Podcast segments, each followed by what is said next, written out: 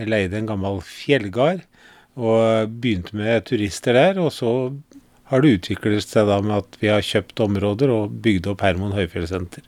Jeg jobba som skilærer på Geilo, og så drev vi en del kristen ungdomsarbeid. Og så ville vi gjerne ha et sted vi kunne reise til. da. Og så leide jeg en gammel fjellgård her oppe i Sudendalen. Så sånn begynte det. Det var sju soverom, og noen av de soverommene fikk vi inn mange, så vi kunne ha en 30 gjester.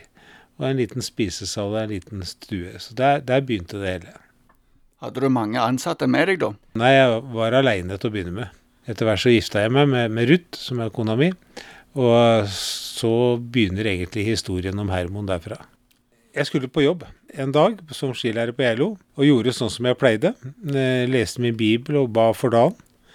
Og så skjedde det noe spesielt. Jeg opplevde at Gud talte helt konkret til meg, og viste meg en eh, haug midt ute i dalen her, hvor Herren sa til meg at der skal du bygge et sted for meg.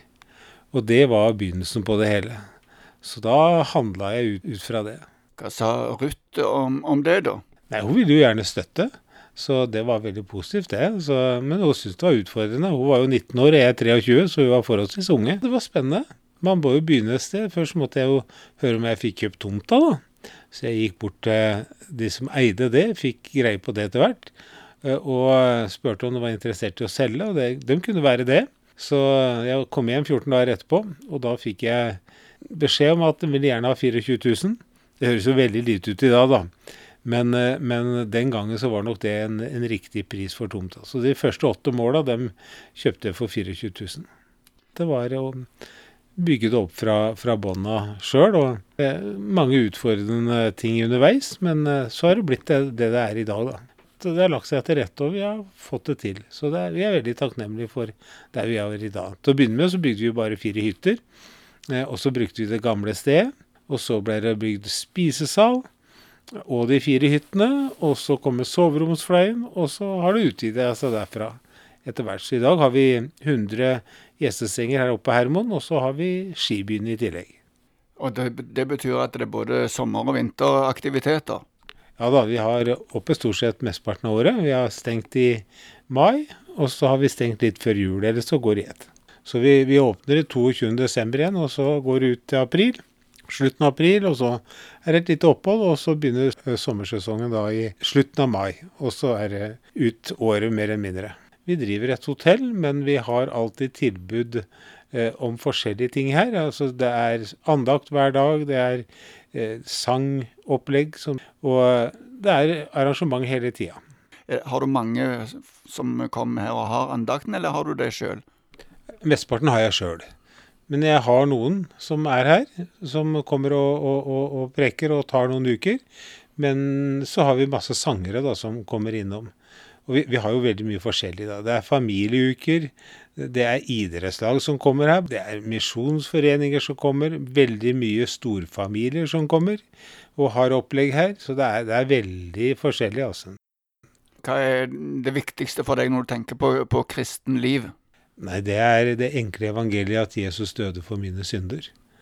Uh, og at han kom for å eh, skape glede.